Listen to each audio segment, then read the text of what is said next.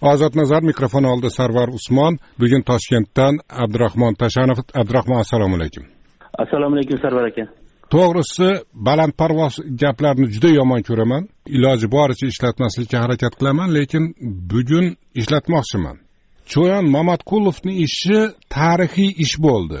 Desam shu balandparvoz gapimni qabul qilasizmi yo'qmi Э, albatta э, bitta bir ma'noda qabul qilaman chunki э, siyosiy mahbuslarni oqlanishi ularga kompensatsiya to'lanishi haqiqatdan tarixiy ish lekin amalda bunaqangi ishlar bo'lgan. Men birinchi marta ikki ming e, demak to'qqizinchi yilda e, bu ishni amalga oshirgan edim u paytda to'rt million e, ancha pul edi o'sha samarqand viloyati kattaqo'rg'on tumanida bir kolxoz raisi nohaqdan to'qqiz yilga qamalgan edi bu yorqulov rustam aka degan odam Э, men uni ishi bo'yicha э, o'sha himoyachilik qilib э, davlatdan moliya bosh samarqand viloyati moliya boshqarmasidan o'sha paytda to'rt million so'm ma'naviy e, zarar undirib e, o'sha sudyalar tergovchilari javobgarlikka tortishga muvaffaq bo'lgan edi ya'ni bundan o'n bir yil avval. Demak cho'yan mamatqulovni o'sha oltmish million so'm zarar undirgani siz bilgan ikkinchi ishmi yoki? Juda ko'plab bunaqa ishlar bo'lgan. Hatto o'ninchi deyish ham mumkin. Turli darajadagi fuqarolar turli toifadagi fuqarolar bunaqangi ishlarni amalga oshirgan.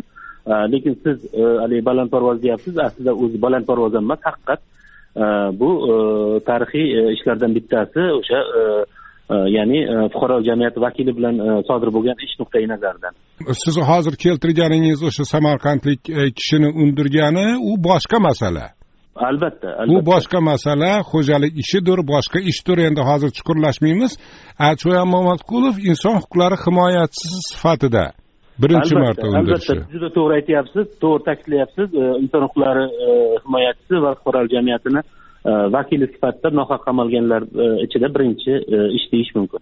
Ho'p cho'yan mamatqulov oltmish million so'm zarar undirgani to'g'risida kecha maqola berdik. Muxbirimiz bir qo'shimcha bog'lana olmagani sababli o'sha maqolada juz'iy bir noaniqlik bor maqolani o'qiganlarda agar savol paydo bo'lgan bo'lsa o'sha joyiga e, aniqlik kiritib qo'yishimiz kerak. Qarang noqonuniy sud hukmi bilan sakkiz yuz yetmish sakkiz kun qamoqda bo'lganim va so'ng oqlanganim bois shu yilning o'ninchi o'n ikkinchi avgustida qashqadaryo sudiga besh yuz million so'mlik moddiy va ma'naviy zarar ko'rganim borasida da'vo arizasini kiritgandim sud esa bu summaning oltmish millionni to'lash haqida qaror chiqardi e, degan sho'yan mamatqulov yana bir marta u kishi bilan bog'lanishni iloji bo'lmay qoldi. Keyin mamatqulovni ishini bir tarixi o'rganilganda u kishi olti yil o'tirgani qamoqda ma'lum bo'ldi. Har holda bizda shunday ma'lumot bor edi. Sakkiz yuz yetmish sakkiz kun bu olti yil emasku men ozodlik radiosi chop etgan maqolani o'qidim. Bu yerda noto'g'ri emas bu mamatqulovni aytgan gapi bu yerda bitta nyuansi bor e, bu huquqiy tomoni masalani. Man shunga tushuntirish berishim mumkin. Bu yerda e, esingizda bo'lsa e, demak o'sha paytlarda ya'ni o'sha o'sha mirziyoyev nimasiga keyingi davr hokimiyatga keyingi davr o'sha siyosiy mahbuslarga nisbatan bitta modda qo'llanilardi ikki yuz yigirma birinchi modda ya'ni o'sha qamoqxona tartibini buzdi qamoqxonada saqlanish tartiblarini buzdi degan o'sha haligi soxta ayblovlar bilan ko'pincha o'sha mahbuslarni jazo muddatlari uzaytirilardi hozir o'sha o'sha раскрутка degan gap a ha раскрутка tufayli ikki ming o'n beshinchi yilda demak bu kishini jazo muddatlari uzaytirilgan ikki marta va bu kishi shundan keyin ikki ming o'n sakkizinchi yilgacha qamoqda qolishga majbur bo'lgan. Endi hozirgi ish bo'yicha bu birinchi hamma ayblovlar olib tashlangan Э, lekin bu odam э, hozir o'sha раскруткani ham noto'g'ri berilganligini qoldirib tashlash uchun reabilitatsiya qilish uchun э, hozir kurash olib boryapti. Hozir navoiy viloyatini ma'muriy sudida bu ish ko'rilyapti. Lekin bundoq mantiqan olib qarasangiz bu odam nohaq qamalgan bo'lsa demak nohaq o'tirgan. Nohaq o'tirgan mm, masalan e, qonunda aytiladiki e, o'sha qonuniy qamoq jazolarini o'tayotgan odamlar e, agar yana qamoq jazolari qamoq o'sha sharoitlaridan kelib chiqib E, qonunbuzarlik sodir qiladigan bo'lsa e, bu modda ishlashi kerak. Demak e, bu odamga yana o'sha shunaqa qamoq muddatlari uzaytirilishi bilan bog'liq jazo noto'g'ri berilgan degan xulosaga kelinadi lekin huquqiy jihatdan hali u modda olinmaganligi uchun bu odam sakkiz yuz yetmish sakkiz kun deb ya'ni ikki beshinchi yil yanvar oyiga nisbatan hozir da'vo arizasi bergan. Sakkiz yuz yetmish sakkiz kun o'sha asosiy dastlab berilgan qamoq muddati albatta albatta. Mana shu jinoyat ishi bo'yicha ya'ni biz tilga olgan jinoyat ishi bo'yicha. Endi shu ish bilan bog'liq boshqa bir masala. Siz kecha facebookingizda o'zingiz yozdingiz bu kishini noqonuniy qamagan sudya oliy sudda o'tiribdi degan gapni aytdingiz shunday mm, qarorlar shunday hukmlari uchun sudyani javobgarligi masalasiga ishora qilyapsizda? Endi o'zbekiston respublikasini e, jinoyat kodeksini ikki yuz o'ttizinchi ikki yuz o'ttiz birinchi moddalari bor. Bu yerda o'sha noqonuniy hibsga olish e, noqonuniy e, o'sha hukm qilish noqonuniy jazolar tayyorlash degan moddalari bor. Ya'ni mana masalan shaxs oqlangandan keyin uni javobgarlikka tortgan yoki uni hibsga olgan yoki uni ustidan noqonuniy hukm o'qigan odam albatta e, jinoyat javobgarligiga tortilishi kerak. Qonunda shunday chunki e, o'zbekiston respublikasi jinoyat kodeksini ikki yuz o'ttizinchi va ikki yuz o'ttiz birinchi moddalarida e, bu narsa o'zini aksini topgan va biz bir necha marta bunday holatlarni ko'rganmiz. Hatto o'sha muhofaza qilish idoralarini o'sha nohaq ayblovlari bo'yicha ikki yuz o'ttiz ikki yuz o'ttiz birinchi modda bo'yicha qamalgan sudyalar prokurorlar yoki tergovchilarni biz bilamiz. Cho'yan mamatqulov ishini siz aytgan siz tilga olgan shuhrat rajabov ko'rganmidi o'sha dastlab? Shuhrat rajabov o'sha dastlabki sud hukmini o'qigan ha endi qarangda siz jinoyat kodeksini tilga olyapsiz. Mana meni qo'limda sudlar to'g'risidagi qonun yetmish uchinchi moddasida sudyalarning intizomiy javobgarligi. Men bu qonunni shu suhbat oldidan ataylab suhbatga tayyorlanish jarayonida ko'rib chiqdim. Ungacha sudlar mutlaqo sudyalar mutlaqo daxlsiz degan bir fikrim bor edi. Mutlaqo daxlsiz emas ekan sudyalarni ham intizomiy javobgarligi bor ekan va bir necha abzatsda shu intizomiy javobgarligi nimadan iboratligi aytilgan bitta abzatsini keltiraman. Qarang bir bandini. Sud qarorining bekor qilinishi yoki o'zgartirilishining o'zi sud qarorini chiqarishda qatnashgan sudyaning agar u ataylab qonun buzilishiga yoki jiddiy oqibatlarga olib kelgan vijdonsizlikka yo'l qo'ymagan bo'lsa javobgar bo'lishiga sabab bo'lmaydi deydi qonun tilini tushunish qiyin. E, bu yerda qonunda shu vijdonsizlikka yo'l qo'ymagan bo'lsa degan gap menga yoqmayroq turibdida bu vijdon vijdon va vijdonsizlik degan tushunchalar bir rezinkadek narsada shundan kelib chiqib masalan javobgarlikka tortish mumkinmi? Qanday qilib vijdonsizlik qilgan yoki qilmaganini qanday aniqlash mumkin? Endi bu e, bo'yicha o'sha e, aytaylik biz bugun hozir gaplashayotgan qahramonimiz shuayb mamatqulov e, o'zbekiston respublikasi sudyalar kengashi oliy sudyalar kengashi degan bir idora bor. Bu ilgari sudyalarni tanlash saralash va lavozimlarga tavsiya etish bo'yicha oliy malaka komissiyasi deyilardi o'shani vakolatiga kiradi. Как раз hozir o'sha Э, oliy sudda э, biz nomini tilga olgan sudyani ishi bo'yicha э, cho'yan mamatqulov bu kengashga murojaat qilgan. Kengashdan shunday javob olganki biz sudyani javobgarligi masalasini ko'rmaymiz. Biz sudyani odob axloqi insoniy o'sha me'yorlarga mosligini ko'ramiz. Ya'ni sudyani faqat intizomiy javobgarlikka torta olamiz xolos. Biz uni jinoiy javobgarlikka tortolmaymiz degan javobni bergan. Endi bunday vaziyatda huquqiy jihatdan bu e, sudyani masalan aytaylik daxlsizlik maqomidan e, chetlashtirish va uni javobgarlikka tortish masalasi e, o'zbekiston respublikasini bosh prokuraturasi prezidentini bevosita vakolatiga kiradigan nimalardan bittasi normalardan bittasi shuning uchun o'zi qonun ijodkorligida mana siz rus filologiyasi bo'yicha mutaxassis buni yaxshi bilaman sarvar aka qonunni o'sha rus tilidagi nimalarini Э, normalarni ko'rsangiz u yerda e, ancha e, muncha e, nimaroq ya'ni tiniqroq berilgan. Ya'ni bizda qonun ijodkorligi qator yillarda faqat birinchi rus tilida qilindi va keyinchalik o'zbek tiliga bir muncha chala ancha sifatsiz tarjima qilingan holatlari bo'lgan. Sudyalarni odob axloqi degan iborani ishlatdingiz men qo'limda yana bir hujjat turibdi. o'n sakkizinchi yil yigirma to'qqizinchi yanvarda e, tasdiqlangan sudyalarning odob axloq kodeksi. Qarang to'rtinchi moddasida bundoq deyiladi. Sudya odil sudlovni amalga oshirishda inson huquq va erkinliklarining sud tomonidan himoya qilinishi sud hokimiyati organlari faoliyatining mazmuni va mohiyati ekanligini unutmasligi lozim deyapti. Bas cho'yan mamatqulov reabilitatsiya qilingan ekan.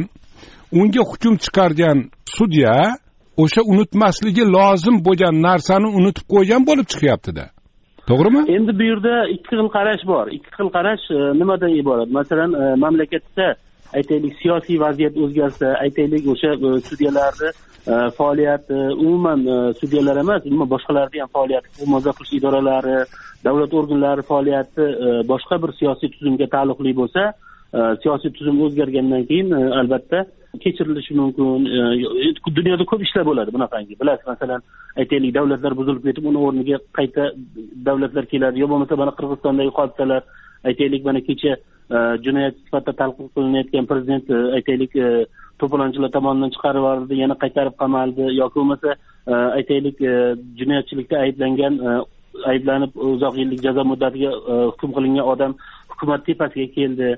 Bunaqangi siyosiy vaziyat bilan bog'liq holatlar bo'lib turadi. Endi o'zbekistonda ham yo'q endi yo'q yo'q nima uchun siyosatga bog'lab qo'yyapsiz?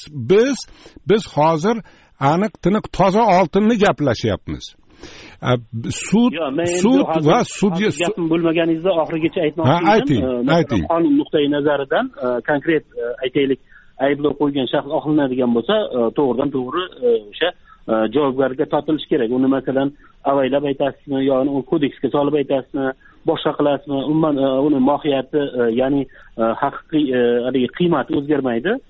Shuni naturasi o'zgarmaydi. Bunday haligi ko'cha tilida aytganda demak uni aytaylik bironta shaxsni javobgarlikka tortgan odam agar u basharti masalan kelajakda oqlanadigan bo'lsa albatta u aybdor qilinishi kerak. Men gapingizni bo'lganimiz bois shuki siz rivojlantirib kelayotgan fikrdan sud umuman sud tizimi va sudyalar davlat rahbarini oqsochi degan ma'no kelib chiqib qolyaptida shunday bo'lmasligi kerak.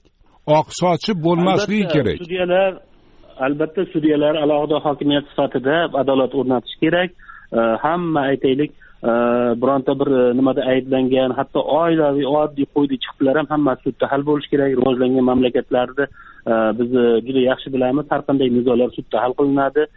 Va o'zbekiston ham asta sekin endi shunga qarab istaydimi istamaydimi o'sha rivojlanadigan bo'lsa e, shu tomonga qarab boradi va sekin sekin bu narsalar takomillashib boradi menimcha. Boyadan beri gaplashayotganimiz mavzu bo'yicha so'nggi savol. Shu cho'yan mamatqulovga o'sha adolatsiz hukm chiqargan sudya qandaydir bir jazo oladimi yo'qmi? Ishonasizmi shunga? Man endi to'g'risi masalan shaxsiy fikrimni aytadigan bo'lsak endi bu o'zi nomi bilan ozod nazar men unga ishonayotganim yo'q chunki biz hali unaqangi darajada takomilga e, Э, yetib kelganimiz yo'q. Э, qonunchilik qonunchilikni ijrosi э, islohotlar nuqtai nazaridan hali men e, unchalik katta takomilga erishdik. E, hamma joyda adolat qaror topdi deb haligi qilmayman. Shaxsiy fikrim bunga ishonmayman.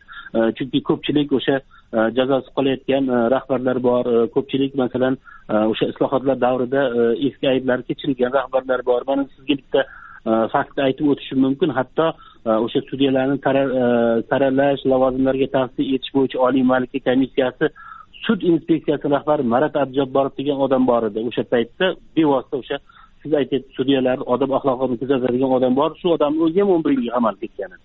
E, endi nima deysiz? Masalan aytaylik mamlakatni e, uchta bosh prokurori qamoqda o'tirgan bo'lsa sobiq bosh prokurorlar qamoqda o'tirgan bo'lsa misol to'rttadan uchtasi e, qamoqda o'tiribdi bittasi o'lib ketdi. Demak e, bu yerda e, qonunchilik qonun ijrosi bo'yicha sudlar mustaqilligi bo'yicha menimcha gapirishga hali erta deb o'ylayman ozod nazar men sarvar usmon bugungi suhbatdoshim abdurahmon tashanov. Davom etamiz. Shu kunni yana bir mavzusi. Shuhrat g'aniyev koronavirusga chalindi degan e, xabarni mahalliylar yozyapti umuman e, shu kasallik bilan bog'liq vaziyat o'ziz yashayotgan domingiz misolida qarindosh urug'ingiz misolida qay tomonga ketyapti? Ozayyaptimi ko'payyaptimi koronavirus koronavirus e, juda ko'payib ketdi nazoratdan ham chiqib ketdi e, davlatimiz endi e, mana masalan rasmiylarimiz qo'ldan kelgancha ishlar qilyapti lekin falokatni ko'lami masalan e, nimalari juda yam katta o'zimni ham oilamni ham mana boshidan o'tdi. Aytaylik otam onam e, o'sha koronavirus og'ir formalari bilan e, mana aytaylik bu rasmiy больницаlarda davlat больницalarida kasalxonalarida yotib davolanishdi. Ularga juda sifatli yordam ko'rsatishdi. Hozir sog' salomat bunga shukur. Mana hatto o'zim ham bir necha marta qattiq bir shamollashlarni o'tkazdim. Gripp o'sha nima deydi gripp deb o'ylayapmiz lekin haqiqiy o'sha koronavirus simptomlari bor. Э, shuning uchun mana hozir ovozimda ham э, nimalar bor? Mana o'zi kuni kecha э, o'rnimdan turdim. Hali koronavirusmanmi yo'qmi? Chunki tashxis qo'ydirishga ham imkoniyat juda kam. Sababi nihoyatda xuddi boshqa davlatlardagi bo'lgani kabi e, bu yerda ham navbatlar e, diagnostika bilan bog'liq muammolar e, yetarli darajada. Endi umuman olganda o'sha mana ertaroq salqin tushib qolishi munosabati bilan mamlakatda gripp shamollash e, shunaqa kasalliklar tarqatdi buni mahalliy tarqaldi. Mana bu e, mahalliy ommaviy axborot vositalari televizorlarimiz har kun ko'rsatib yotibdi. Doktorlarimiz rasmiylarimiz ham muammoni ko'lamini e, kattaligini aytyapti. Haqiqatdan bu muammoni ko'lami judayam kattarib boryapti va meni ko'zim yetishicha meni aytaylik e, o'ylashimcha e, nafaqat o'zbekistonda butun dunyoda ham e, koronavirusga chalinmaydigan odam menimcha juda kam qoladi. Sababi bu ommaviy o'sha pandemiya haligi nima deydi ekanligi tufayli deyarli hammaga yuqib bo'ldi. Mana hozir siz bilan gaplashyapman. Qanaqadir o'sha koronavirus simptomlari uni og'riqlari ni mana o'zimni jismimda sezib turibman sarvar aka. Ayni paytda men bugun ertalabda videoga ko'zim tushib qoldi. E, onalarni o'sha poliklinikalar emlashga chaqiribdi bolalari bilan kelishini va bir vaqtga chaqirib olgan.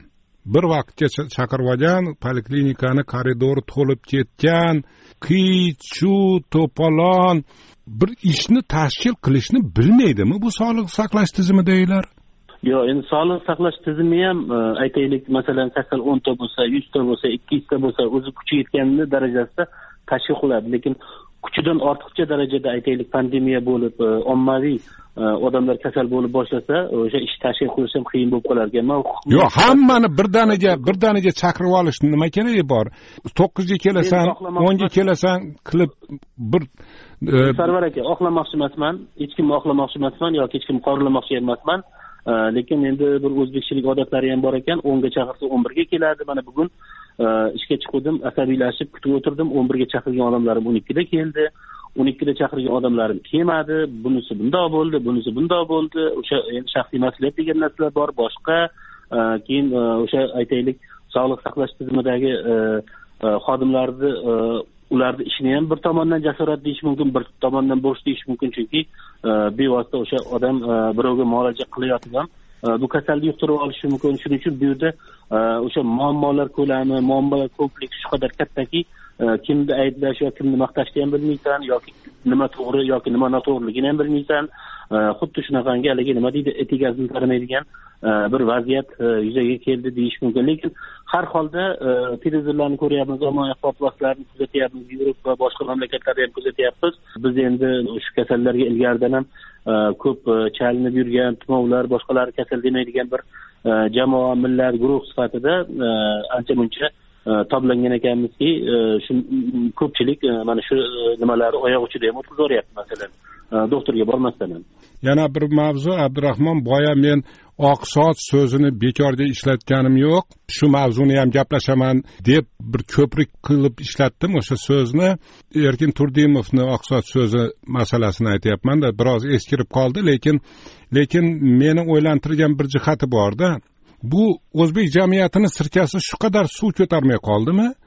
Oqsoch desa nima bo'pti? Oqsoch desa to'ppa to'g'ri aytibdi o'sha erkin turdimov siz qanaqa o'ylaysiz bilmaymanu qarang mana. O'zimizni so'z shu. Boylar zodagonlar oilasida yollanib xizmat qiluvchi ayol xizmatkor ayol cho'ri deyapti.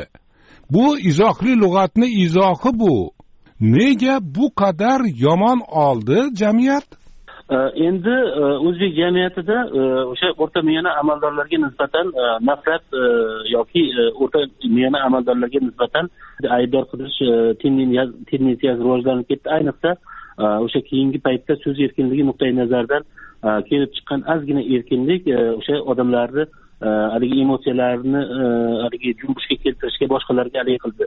Э, sabab bo'ldi erkin turdimov juda yam to'g'ri aytgan haqiqatdan oqsochlik bo'ladimi boshqa e, haligi e, kasblar bo'ladimi hammasini legallashtirib uni qonuniy yo'llarga solish kerak degan e, fikrdaman xuddi sizga o'xshab endi nima desam bo'ladi. Masalan aytaylik o'zbekni ayoli chet elda turkiyada rossiyada boshqa joylarda oqsochlik qilib yurganga jumushga kelmagan millat ha shuni shuni aytamanda oqsochlik qilib yursa bo'laveradi. Faqat endi uni chiroyli aytish kerak. Uy xizmatchisi deb. Yo'q unaqa emas. U oqsoch u. Har narsani har narsani o'z nomi bilan aytishni o'rganmagunimizcha yaxshilik yo'q. Men hali yuqorida aytganimdek juda e, buni e, ko'p o'yladim va shunday e, o'zimcha endi shaxsiy tashxisim bu shaxsiy diagnozim bu Э, jamiyatni o'sha o'rta miyona e, amaldorlarga nisbatan e, jamiyatni bir nima deydi haligi e, ilg'or ham demaylik endi o'zlarini bir ilg'or deb hisoblayotgan bir qatlamni o'zicha bergan baho aytaylik mana shu ozod nazardan keyin meni ham nima deydi butun urug' aymog'im bilan so'kadiganlar topilar ehtimol. Lekin hokim ya'ni mana hokim ham demaylik mayli bir shaxs to'g'ri diagnoz qo'ydi. Biz aytaylik mana shu kasbni legallashtiraylik bu shu kasb egalarini aytaylik malakasini oshiraylik e, degan gapni bular go'yoki siyosiylashtirib o'sha millatni oqsochga aylantirmoqchi boshqa degan e, bir chaqiriqlar e, haligi rivojlanib ketdi. Bular har kim o'zicha qizingni aytaylik oqsoch qil onangni oqsoch qil unday qil bunday qil degan hatto haqorat haqoratlargacha borishdi eng qizig'i eng alam qiladigani shuki o'sha sen oqsoch deb haqorat qilding deb yozar ekan o'zi yozgani hammasi bo'lib o'n beshta so'z yo chiqadi yo chiqmaydi. Va o'sha o'n beshta so'zda ellikta xato. Bunga hech kim e'tibor bermaydi. yuz foiz qo'shilaman. Agar bu ozod nazar bo'lmasdan aytaylik bir choy bir piyola ko'k choyni ustida gaplashganimizda bu bo'yicha e, sizga judayam e, ko'p e, haligi faktlar ham keltirardim izohlar ham keltirardim boshqalar ham qilardim. Bu yerda endi qisqa gapirishga to'g'ri keladi chunki imkoniyatlar ma'lum darajada chegaralangan man qisqa qilib shuni aytishim mumkinki bu o'sha jamoatchilikni ya'ni jamoatchilik ham demaylik bir payt men o'sha olomonchilik kayfiyatidan qutulaylik degan bir haligi maqola ham yozgan edim. Bu har qanday fikr aytgan odamni masalan aytaylik shunaqangi og'ziga urish uni bir jamoatchilik yo'li bilan shantaj qilish unga nisbatan hatto tovlamachilik sodir qilish mana huquqiy e, tilda aytganda nima qilish? Bu o'zbek jamiyatini e, hali e, aytaylik keling endi man o'zi shu so'zni juda yomon ko'raman. Manan juda haligi nima deydi kambag'alligini manan qashshoqligini ko'rsatadigan ko'rsatkichlarimizdan biri. Ya'ni o'sha milliy qadriyatlarimiz sifatida o'sha shunda bir e, juda katta kemtiklik o'zbek jamiyatida juda katta kemtiklik